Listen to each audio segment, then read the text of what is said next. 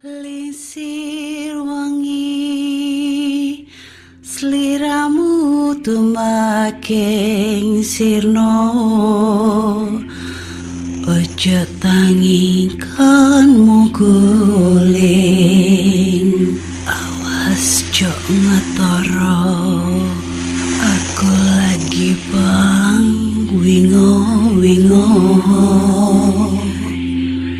Jin setan kang tak Dadio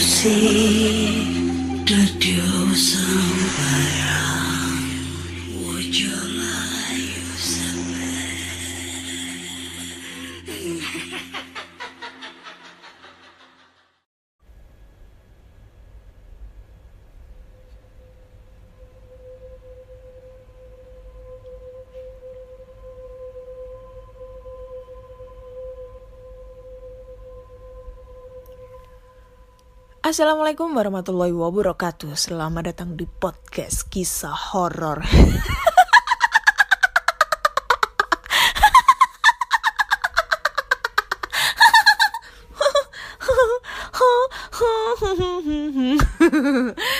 Masih bersama dengan Ana di sini akan membacakan cerita horor ataupun email berhantu yang sudah dikirimkan teman-teman melalui podcast kisah horor gmail.com atau di DM Instagram podcast kisah horor, DM Instagram Ana Olive atau di Google From podcast kisah horor. Wih.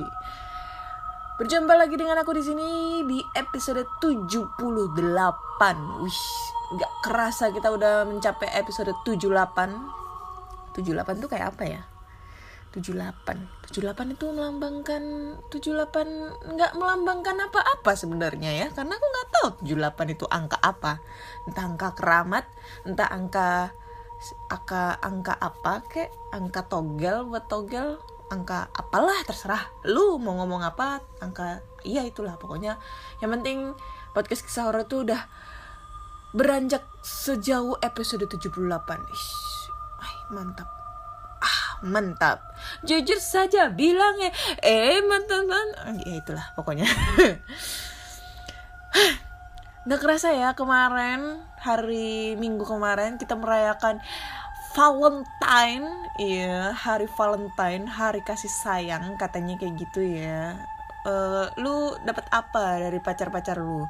Yang cewek dapat apa dari cowok lu? Yang cowok dapat apa dari cewek lu? Kalau gue dapat uh, dapat ampas ya. Nggak dapat apa-apa. Gue tidur aja di rumah. Karena nggak ada yang ngasih aku coklat nggak ada yang ngasih aku kasih sayang. Pacarku hilang diambil orang. Nggak tahu pacarku ke mana ya. Nggak tahu. Udah dianggurin aku sama dia. Udah hampir ya hampir sebulan lah dianggurin sama dia ya semoga aja nggak selamanya ya aku dianggurin sama dia. Sedih banget sumpah. Dan aku pengen banget sih mau nyamperin dia ke Makassar tapi nunggu ada modal dulu ya. Kumpulin duit dulu. Mungkin ada yang mau donasi? Mau donasi aku buat beli tiket pesawat ke sana? Boleh lah supaya akunya nggak ini nggak galau-galau terus. Aduh sumpah uh, hal yang paling menyedihkan kemarin itu. Makanya Valentine Days kemarin aku buat tidur aja di rumah biar nggak nginget-nginget gitu deh. Padahal ya pengen banget sih dapat coklat. Nggak ada gitu yang ngirim-ngirim coklat dari temen-temen pecinta horor gitu. Buat aku ih malas banget. Oke okay deh. Langsung aja ya kita bacakan cerita cerita cerita cerita cerita cerita horor yang udah dikirimkan teman-teman yang udah ditunggu-tunggu sama teman horor semua. Dan cerita pertama itu datang dari ini dia kita bacakan. Judulnya adalah kejadian mistis di kosan Sydney Australia. Ih ini jauh dari yang lain ya. Kemarin ada cerita dari Prancis uh, Paris kota cinta sejuta cinta. Dan sekarang datang dari Sydney gak nyangka banget kalau podcast kisah horor itu yang dengerin sampai uh, pendengar lokal yang interlokal. Kayak gitu ya. Pendengar lokal yang lagi interlokal. Jadinya bangga banget deh aku itu. Oke oke oke. Langsung aja kita bacakan ceritanya. Ih kok error ini ya? Oke. Halo Ana sebut saja nama gue pakai inisial BP Bambang Pamungkas.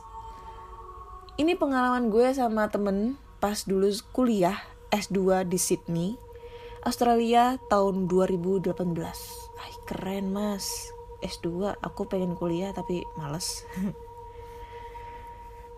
Gue sama dua teman gue sebut aja W sama P nginep di kosannya si P karena udah kemalaman mau pulang ke kosan masing-masing.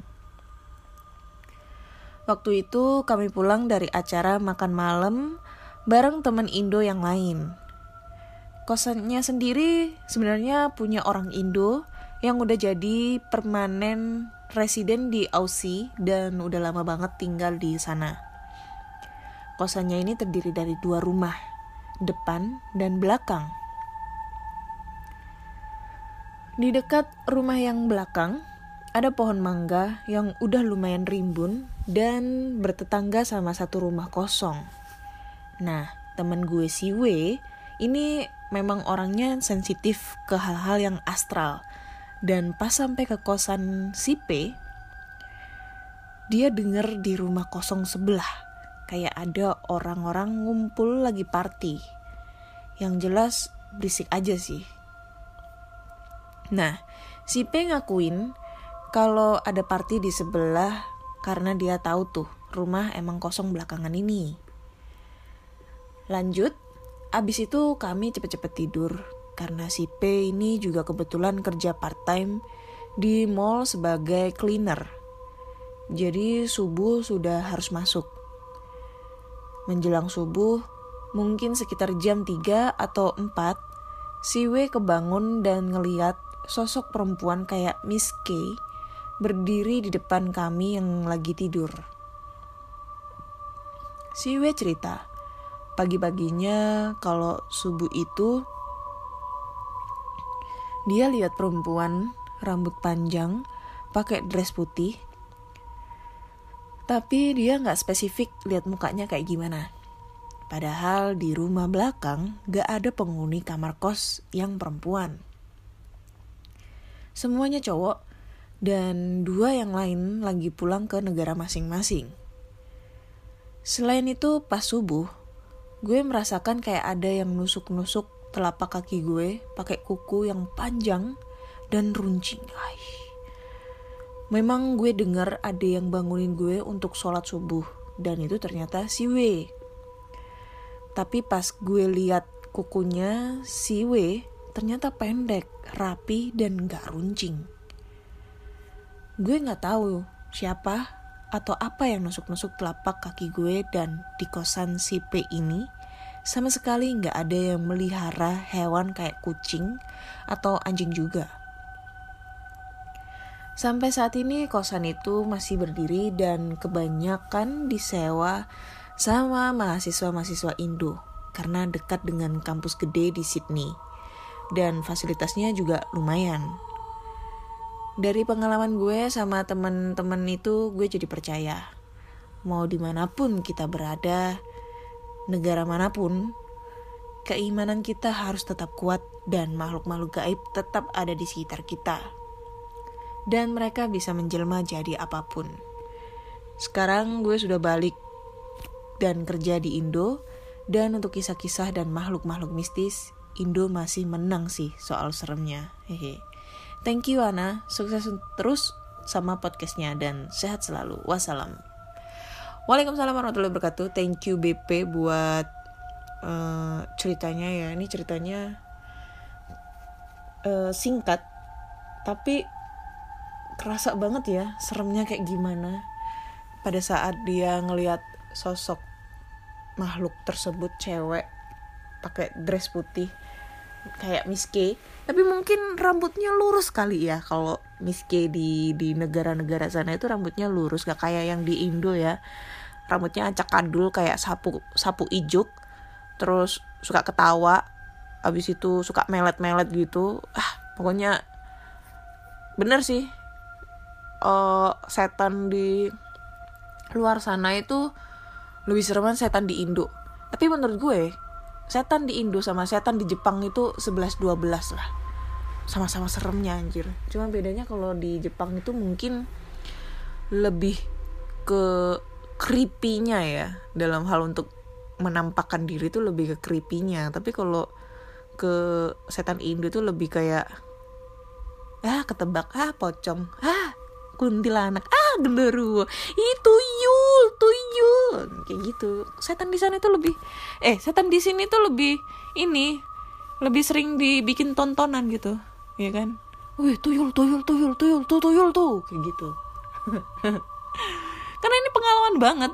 Pengalaman ya ada aku baru inget nih pengalaman. Jadi di desaku dulu itu di daerah Jogja sempet lagi heboh-hebohnya tuyul gitu kan tuyul. Nah itu masih kecil sih itu waktu itu. Masih umur masih SD lah. Masih kelas 3 apa 4 SD aku lupa. Jadi masih suka sering seneng-senengnya mandi di kali gitu kan mandi di sungai. Jadi dulu tuh rame-ramenya ada hebohnya gara-gara uh, uang tetangga itu sering hilang karena adanya tuyul gitu loh. Dan pada saat itu ada salah satu warga di sana yang punya keahlian khusus gitu loh. Kayak ibaratnya bisa nangkep nangkep makhluk halus ditangkep dong itu sosok tersebut dan dimasukkan dalam botol. Dan tidak taunya itu adalah sosok tuyul katanya gitu. Itu jadi tontonan orang itu sampai berapa ratus gitu ya dipertontonkan dan dimanfaatkan sama yang punya rumah. Yang maksudnya yang waktu itu tuyulnya tuh ketangkep di salah satu rumah warga dimanfaatkan untuk bisnis pertunjukan gitu loh. Jadi ba orang bayar gitu bayar 2000 buat lihat tuyul gitu kan. Bayar 1000 buat bayar buat lihat tuyul. Keren sih itu. Mengambil kesempitan dalam kesempitan eh kesempitan dalam ke, eh mengambil kesempatan dalam kesempitan. Jadi ibaratnya duitnya duitnya dia hilang terus keganti dengan uh, duit tiket pertunjukan tuyul itu tadi. Keren kan kayak gitu? Itu mungkin patut dicontoh untuk kalian deh nggak bisa bayangin anjing. Oke kita next ke cerita berikutnya ya. Cerita kedua. Bentar dulu.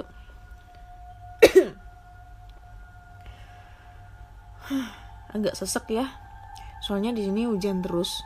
Hawanya dingin jadi pernafasan itu agak sesek. Tapi bukan corona ya. Ntar kalian kira gue corona lagi corona alah corona nah Uh, cerita kedua, cerita kedua, cerita kedua. Ini mana sih ini ya? Halo Kak Ana, Namaku Isna. Umurku sekarang 18 tahun. Eh, ini udah belum ya?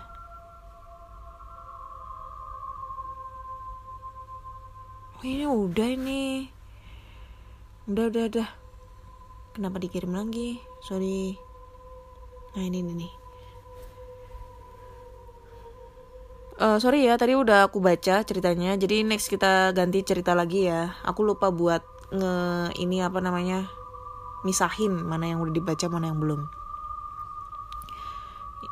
jadi ini nama saya Davin dan saya akan bercerita tentang pengalaman saya diteror oleh hantu aneh di sekolah saya. Mengapa aneh? Karena kalau hantu biasanya menginginkan jiwa orang.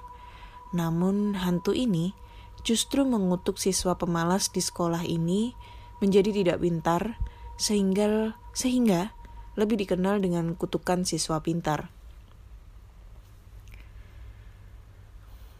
Konon, rumor yang beredar di sekolah ini adalah seorang siswa pintar dan rajin tewas dibunuh oleh teman-temannya yang malas belajar karena siswa tersebut tidak mau berbagi kunci jawaban saat ujian kenaikan kelas.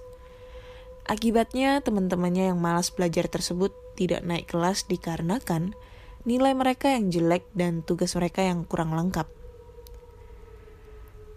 Hal inilah yang menyebabkan mereka murka dan membunuh siswa pintar tersebut. Kabarnya jika ada seorang siswa pintar yang malas belajar, maka kepintaran mereka akan diambil oleh orang oleh arwah siswa pintar dan menghantui sekolah tersebut. Tentu saja aku tidak percaya dengan cerita ini, walaupun para seniorku di sekolah ini berkata bahwa seorang siswa pernah menjadi korban akibat malas belajar dan akibatnya dia bahkan tidak bisa mengikat tali sepatu ataupun mengepel lantai.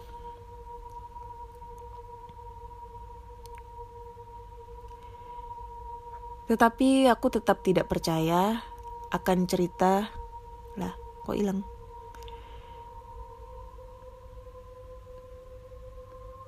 Ntar dulu, nah ini, aduh kok hilang. Oke, ulang ya. Nyampe mana tadi? Anjir lah. Sorry, sorry, sorry. Oh ini, mohon maaf. Aku ulangi ya. Tetapi aku tidak tetap tidak percaya akan cerita ini. Mana mungkin ada siswa yang bernasib seperti itu. Lagi pula, sekolah ini adalah sekolah favorit di daerahku, dan yang mendaftar di sekolah ini sudah pasti adalah siswa yang pintar dan rajin belajar. Begitu pikirku. Waktu berlalu dan tibalah saatnya ujian akhir semester atau UAS. Aku merasa bahwa materi UAS tidak terlalu sulit dan menyebabkan aku tidak mau belajar. Setelah puas menonton TV, aku pun pergi tidur. Keesokan harinya, aku merasa aneh pagi ini. Aku tidak dapat melakukan kegiatan begitu lancar, seperti aku kesulitan mengambil nasi untuk sarapan, kesulitan mengikat tali sepatu, dan bahkan aku kesulitan melipat baju. Saat UAS dan bahkan sampai pulang sekolah, aku kesulitan beraktivitas. Begitu seterusnya sampai UAS selesai. Aku merasa bahwa diriku benar-benar bodoh karena tidak tahan. Aku pun menceritakan kejadian ini ke kakak kelas atau lebih dikenal sebagai sebutan senior yang aku kenal di sekolahku. Lalu dia bertanya, apakah aku rajin belajar selama seminggu ini? Aku pun heran, tetapi aku tetap menjawab dengan jujur bahwa aku sama sekali tidak belajar karena malas. Lalu kakak kelasku menjelaskan bahwa kepintaran dan kemampuanku telah diambil oleh arwah siswa pintar di sekolahku ini. Dan satu-satunya menghilang, menghilangkan kutukan ini adalah dengan meninggalkan kebiasaan malas belajar kita untuk selamanya, karena jika tidak, maka kita akan terkena kutukan itu kembali. Aku kaget, bukan kepalang. Aku akhirnya menyesali perbuatanku ini. Sepulang sekolah, aku berjanji pada diriku sendiri untuk selalu rajin belajar sesulit apa pun materi pelajarannya. Sejak saat itu aku selalu rajin belajar, apa pun kondisinya, dengan satu tujuan, agar kepintaran dan kemampuanku tidak diambil oleh arwah sisa pintar di sekolahku. Hmm. ceritanya sedikit aneh ya. Ini kalau menurutku ceritanya mitos. Ibaratnya tuh kayak gini loh. Ada anak kecil uh, pulang maghrib gitu ya terus dikasih tahu sama mam mamanya jangan pulang maghrib ntar di di ini diculik sama kolong wewe atau mungkin gini buruan abisin nasi makananmu. Nanti ayammu mati loh kalau nasinya nggak habis. Ibaratnya kayak gitu ya sama aja kayak kita tuh didoktrin buruan belajar jangan malas-malasan kalau kamu malas nanti kepintaranmu diambil sama arwah siswa pintar.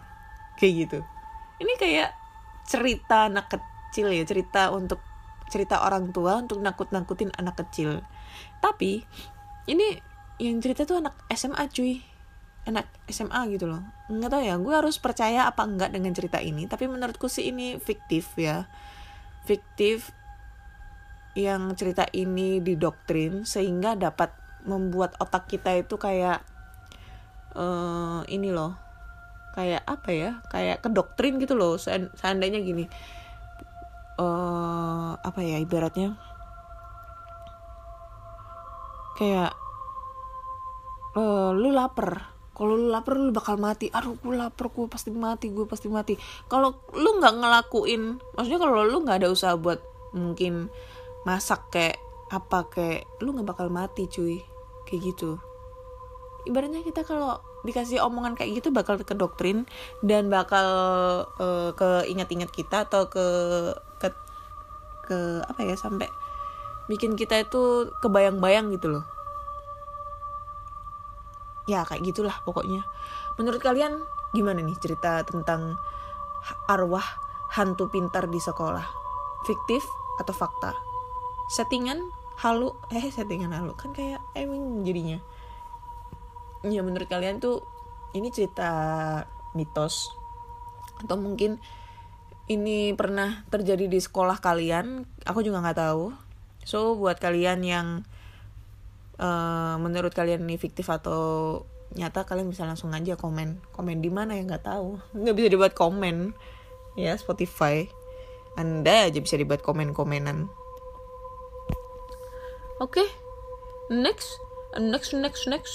Kita lanjut ke cerita ketiga ya. Karena gue tuh sebenarnya nggak seberapa seneng kalau misalnya ngebawain podcast. Cerita-cerita tuh terlalu banyak ngomong terlalu banyak ngobrol terlalu terlalu banyak obrolan yang tidak penting karena itu udah banyak banget yang komen. Sudah kak.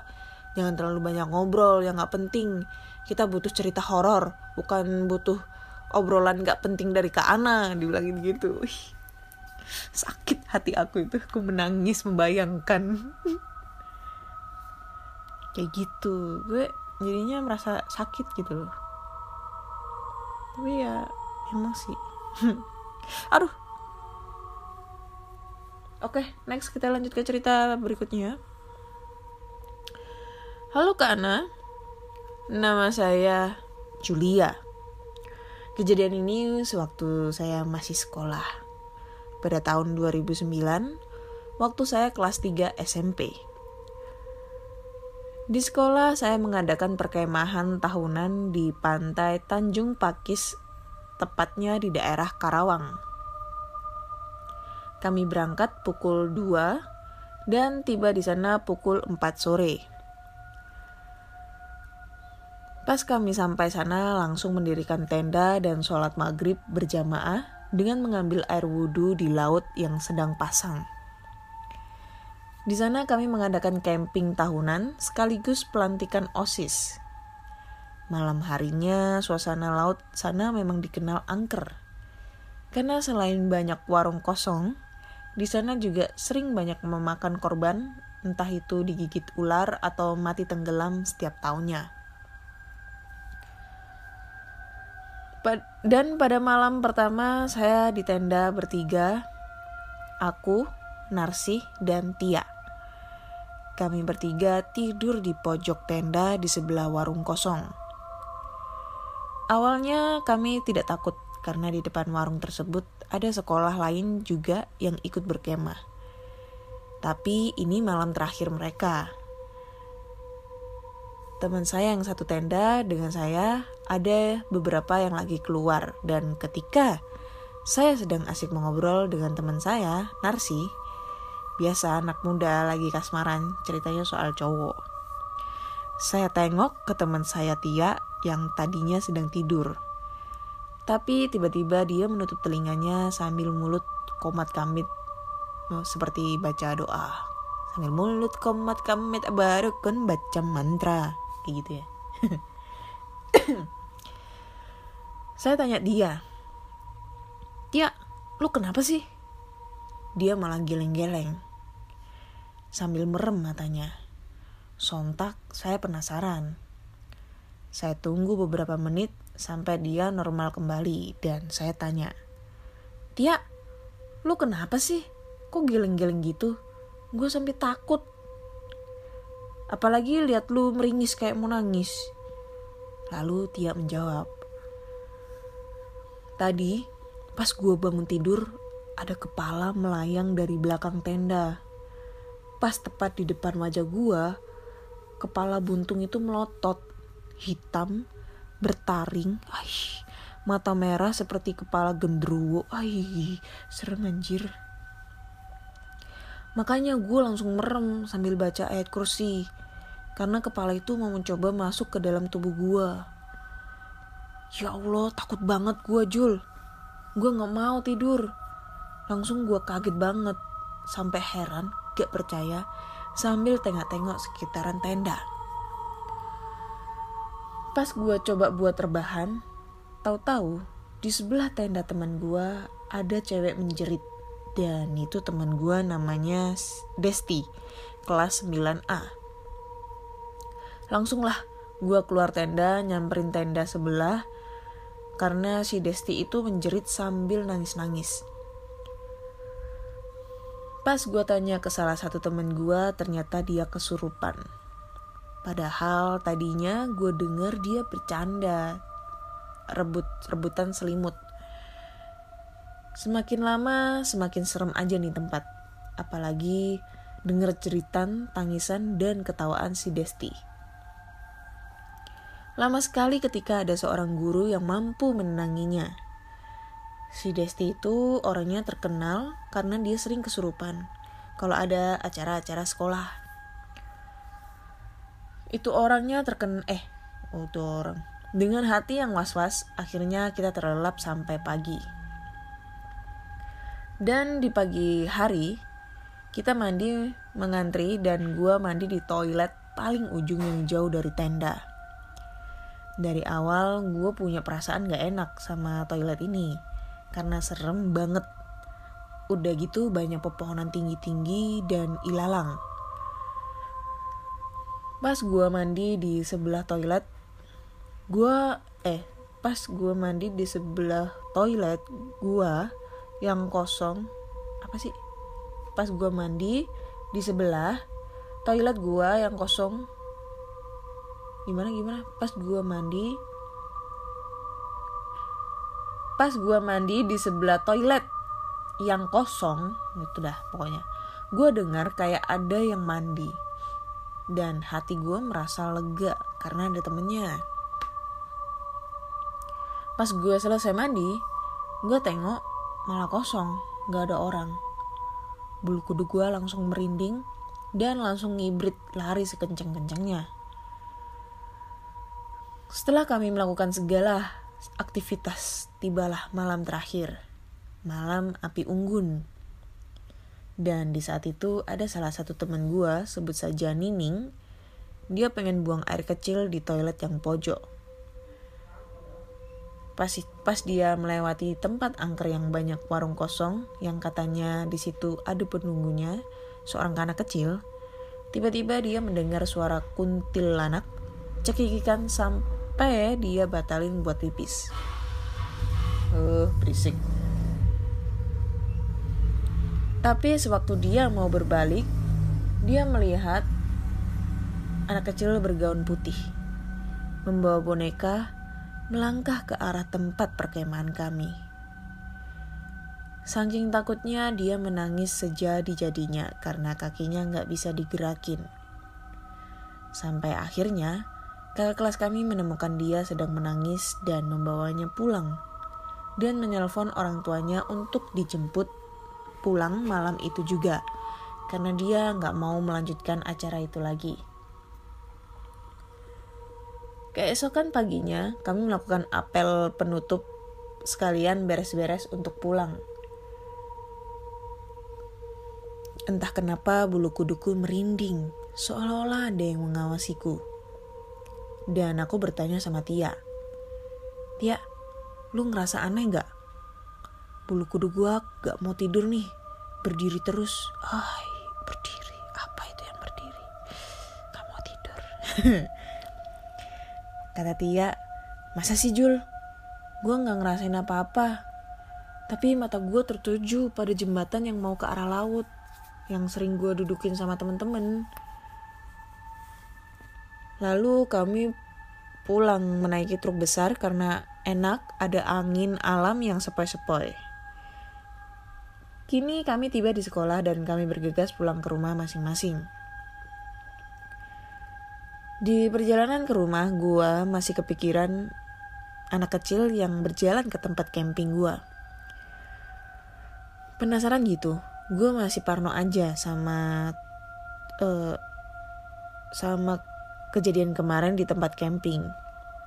Eh, di depan rumah malah ada nenek-nenek yang man yang meninggal.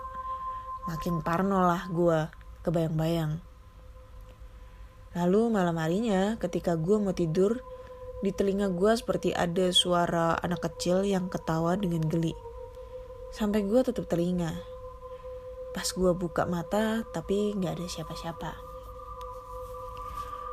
Gue pejemin mata lagi dan suara itu ada lagi.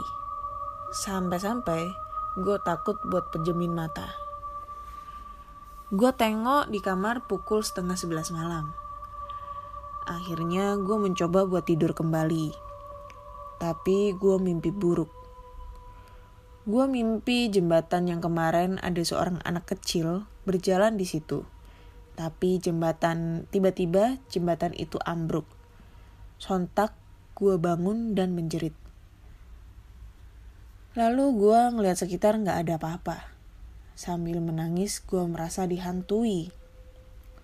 Pas gue lagi menangis, gue merasa ada seseorang yang menagih tempat tidur gue. Pas gue lihat ke samping, betapa kagetnya. Gue ngelihat sosok anak kecil bergaun putih membawa boneka, mata menyak, mata menyala, mukanya pucat banget, kulitnya seperti beku gitu. Ih, langsunglah gue memejamkan mata karena nggak berani lihat sambil baca doa entah karena gue ketakutan baca doanya jadi acak-acakan.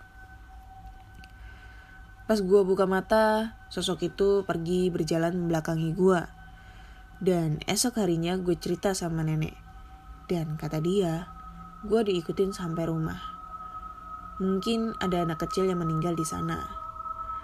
Gue dikasih air ke air yang udah dibacain doa-doa dan seketika hati gue tenang dan agak was-was pas mau tidur.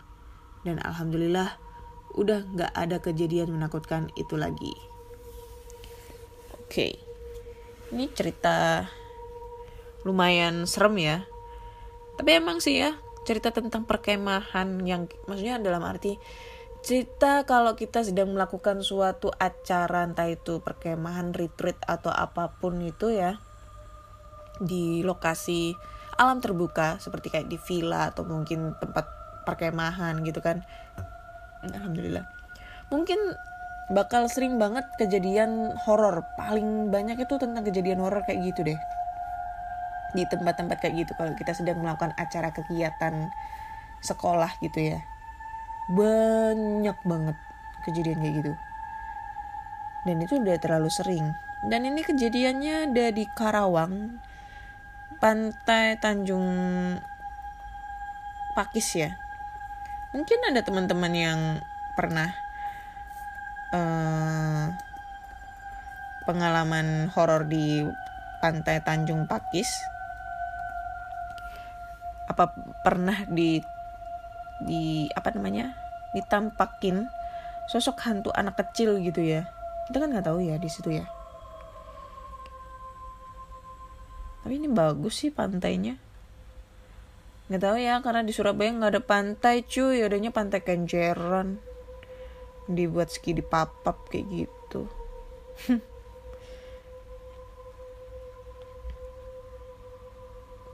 Dan nggak ada ya. Coba mungkin banyak banget orang yang bikin apa kirim tweet tentang cerita horor di pantai Tanjung Kapis Pakis.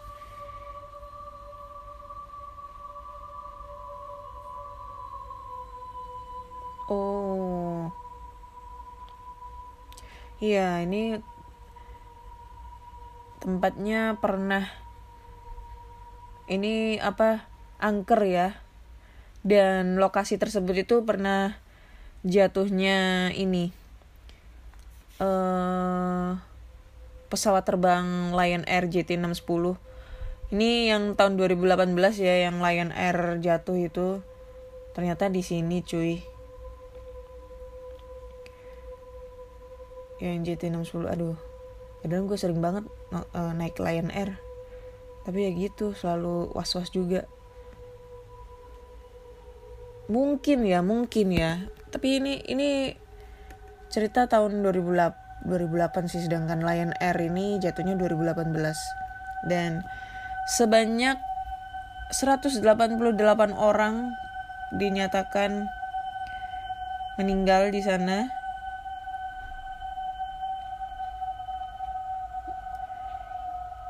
Gitu deh. Ya, itulah pokoknya. Coba sih, bentar ya, aku mau cek dulu karena aku penasaran banget dengan pantai yang pernah pengalaman terjadinya uh, jatuhnya pesawat Lion Air. Sebenarnya sih kalau sampai kayak gini, sampai pernah ada kejadian horor yang dialamin sama uh, teman kita, si siapa tadi namanya, Julia. Itu pasti ke depannya itu ada cerita-cerita tentang cerita-cerita horor lainnya gitu loh. Bentar. Dan bener juga pernah ada kejadian ini Lion Air jatuh dan ini juga ada cerita lagi, dulunya sekitar tahun 90-an di lokasi jatuhnya pesawat, nelayan tidak berani ke titik jatuhnya pesawat karena terbilang angker. Jadi tahun 90-an ini pernah ada pesawat jatuh juga di sini ya.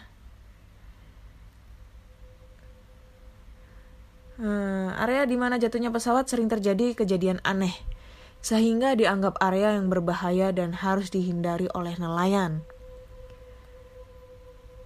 Menurut cerita orang tua dulu memang dianggap angker uh, lokasi tersebut. Maksudnya pantai Tanjung Pakis ini, nelayan tidak berani mencari ikan di lokasi tersebut. Seiring berjalannya waktu, lokasi jatuhnya pesawat dengan kedalaman 30 meter itu menjadi tempat mencari ikan para nelayan dan warga untuk mancing di area tersebut. Hmm. Jadi serem banget ya. Jadi lokasi tersebut itu sebelumnya tahun 90-an itu pernah pernah ada pesawat jatuh di lokasi pantai Tanjung Pakis gitu. Aku nggak tahu pesawat apa karena ini nggak dijelaskan, tapi tahun 90-an pernah. Lalu terjadi lagi tahun 2018. Nah, kalau menurut aku sih sosok yang cewek dilihat oleh si Julia itu gadis kecil, gadis kecil yang dilihat itu adalah uh, sosok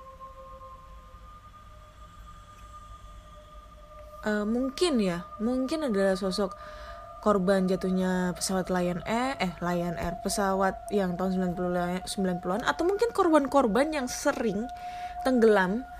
Biasanya tuh ada yang main di pinggir bibir pantai terus tiba-tiba itu kegulung ombak kayak gitu. Nah ini ada ada lagi cerita nih ya aku buka-buka web gitu kan. E, berita web. Nah misteri hilangnya Kurnia di pantai Tanjung Pakis. Ini dia. Jadi misteri hilangnya Kurnia Denny 7 tahun di sekitar pantai Tanjung Pakis akhirnya terkuak. Warga Perum Perumahan Bumi Kahuripan Indah Blok D Kecamatan Sukatani Kabupaten Bekasi yang disebut-sebut hilang dari pengawasan orang tuanya akhirnya ditemukan dalam kondisi meninggal pada kejadian Agustus 2020 baru beberapa bulan yang kemarin cuy. Uh, ke, seperti diberitakan sebelumnya hilangnya Kurnia Deni dari pantai Tanjung Pakis sempat menimbulkan keraguan antara lepas dari pengawasan atau tenggelam di laut Bahkan setelah menerjunkan tim SAR gabungan hingga sore hari, juga belum bisa memastikan penyebab hilangnya Kurnia. Hingga Sabtu pagi, hilangnya Kurnia tetap menjadi misteri. Seharian cuy, hilang. Hasilnya sekitar pukul setengah tiga sore, misteri hilangnya Kurnia pun terkuak setelah petugas menemukan jasad Kurnia terombang-ambing di laut. Terombang-ambing di laut, astagfirullahaladzim. Alhamdulillah korban sudah berhasil ditemukan. Tadi korban langsung dievakuasi dibantu masyarakat setempat. Ini cerita tentang jenazah terombang-ambing di laut itu mengingatkan aku pada saat aku masih berlayar jadi dulu tuh aku pernah layar ya secara aku mantan pelaut gitu kan. Mantan pelaut. Jadi sedikit cerita ya. Dulu aku pernah uh, berlayar. Kebetulan rutenya itu adalah Surabaya Makassar Papua.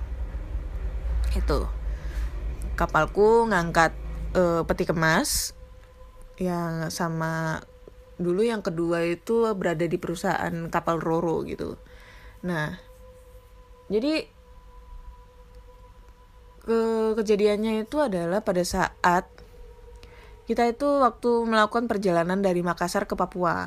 Nah pada saat itu kapal kita lagi berlabuh tuh lagi berlabuh jangkar di tengah laut. Berlabuh jangkar kalau kalian tahu itu berlabuh jangkar adalah kegiatan ibaratnya kalau kita parkir gitu loh parkir di tengah laut biasanya kan ada kapal diem di tengah laut gitu kan e, nurunin jangkar kayak gitu. Itu namanya berlabuh. Tapi kalau kita e, berhenti di dermaga itu namanya bersandar gitu kan.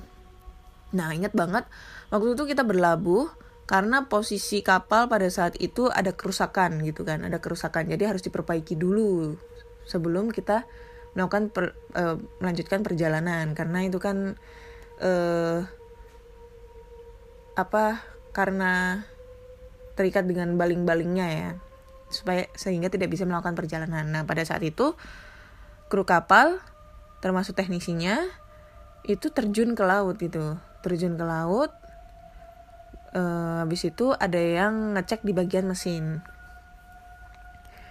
Jadi terjunnya ke laut ini nggak nggak nggak terjun bebas blung gitu. Enggak tapi menggunakan sekoci ya gitu kan. Menggunakan sekoci. Karena emang kerusakannya ternyata parah dan harus dilas gitu kan.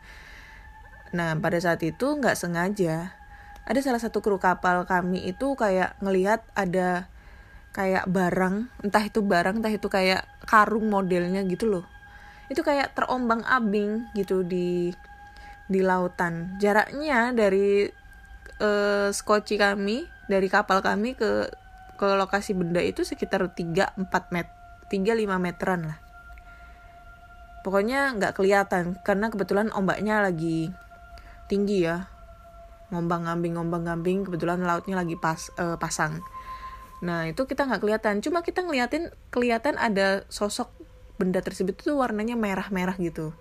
Nah kita pikir itu uh, orang buang sampah sembarangan gitu. Orang buang sampah sembarangan. Tapi kok aneh gitu kayak ada rambutnya gitu. Rambutnya itu panjang banget gitu kan. Hitam.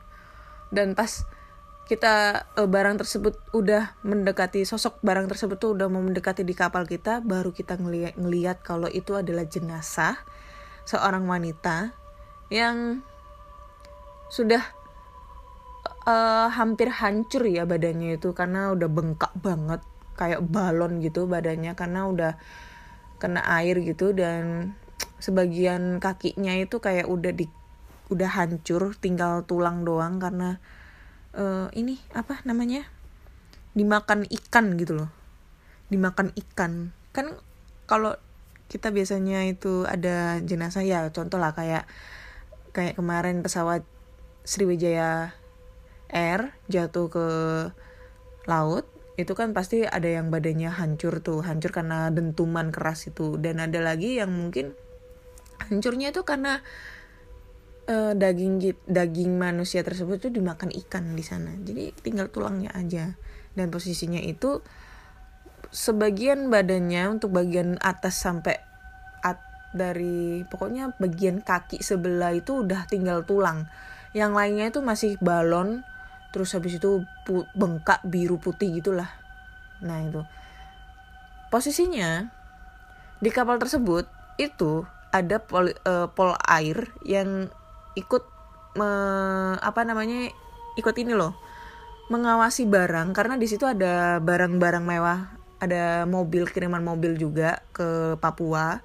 Jadi mau nggak mau ikut mengantar gitu kan. Pol air sama polisi ya polisi umum gitulah. Aku lupa itu dia pol air apa polisi umum nggak tahu lupa. Jadi ikut mengantar gitu dan pas diangkat itu ternyata jenazahnya itu udah uh, pokoknya udah nggak ber udah gak beraturan lah. Aku kalau nginget mukanya itu aduh sumpah mual banget gitu. Dan setelah kita bawa ke eh, pulau terdekat karena di sana di tempat kita berlabuh itu dekat sama pulau terdekat aku lupa pulau apa itu terus sudah diidentifikasi oleh polisi setempat di sana akhirnya ketemu selang beberapa satu bulan kemudian itu eh nggak sampai satu bulan satu minggu. Dua satu sampai dua minggu tuh ketemu. Kalau jenazah tersebut itu adalah seorang wanita orang Sulawesi. Sulawesinya mana aku nggak tahu. Pokoknya orang Sulawesi dan dia itu adalah korban pembunuhan yang jenazahnya itu dibuang ke laut gitu. Supaya meninggalkan jejak. Dan kebetulan yang di, dia dia buangnya itu pada saat malam-malam sehingga kan nggak ketahuan sama orang-orang gitu loh nelayan-nelayan lainnya kayak gitu. Apalagi apalagi ya kalau seandainya kita berang ikut kapal-kapal asing nih ya contoh kalau misalnya ada yang lu kerja lu kerja di kapal asing kapal asing itu misalnya kapal ikan atau kapal pesiar atau kapal apa pun itu dan posisinya kapalnya itu berada di luar negeri yang jauh dari lokasi kita entah itu di Jepang entah itu di Cina. Nah kebanyakan itu di Cina. Cina itu biasanya kan kapal ikan Taiwan itu. Kalau misalnya ada salah satu kru kapal yang mengalami sakit dan sakitnya itu berpotensi menularkan ke ke kru lainnya dan posisinya meninggal itu biasanya langsung dilarung ke laut. Langsung dibuang ke laut gitu aja. Padahal sebenarnya sih untuk kalau semisalnya itu posisinya jenazah berada di dekat dermaga bisa dikremasi lalu abunya diantar ke eh, keluarga. Tapi kadang itu ada yang nakal. Jadi ada yang nakalnya itu dia langsung dilarung ke laut tanpa membuat berita acara nakodanya dan nakoda tidak melaporkan ke perusahaan pela- pelayaran perusahaan kapal sehingga menjadi suatu pro dan kontra antara perusahaan kapal dengan keluarga korban kayak gitu. Itu susah kalau jadi pelaut coy. Kalau lu meninggal posisinya jauh dari rumah lu pasti dilarung ke laut dibuang gitu aja di laut karena berpotensi agar tidak menyebarkan penyakit ke kru-kru lainnya kayak gitu. Jadi jangan jadi pelaut kalau lu belum siap. Kayak gitu deh itu sebenarnya tuh udah pern udah aku lupain loh kejadian aku nemuin bukan aku sih tapi teman-teman teman-teman kru itu nemuin jenazah karena itu posisinya itu aduh gak bisa kita bayangin ya mengenaskan sekali gitu loh. Apalagi kalau sampai udah tinggal tulang belulang dimakan ikan dagingnya dan posisinya itu udah mulai membusuk mengeluarkan bau tidak sedap dan lain-lain kayak gitu untungnya ada pak polisi di situ. Kalau nggak ada ya jadi kita nggak tahu. Mungkin bakal membiarkan itu semua gitu loh. Bakal dibiarin gitu dan pastinya bakal bertanya-tanya oleh apa ya pastinya keluarga yang ditinggalkan itu bakal merasa kehilangan sampai sekarang. Dan itu kejadiannya udah lama banget. Kejadiannya tahun 2014 itulah 2014 nggak salah. Gitu. Oke kayaknya sampai di sini dulu aja ceritanya. Udah banyak banget ceritanya itu ya.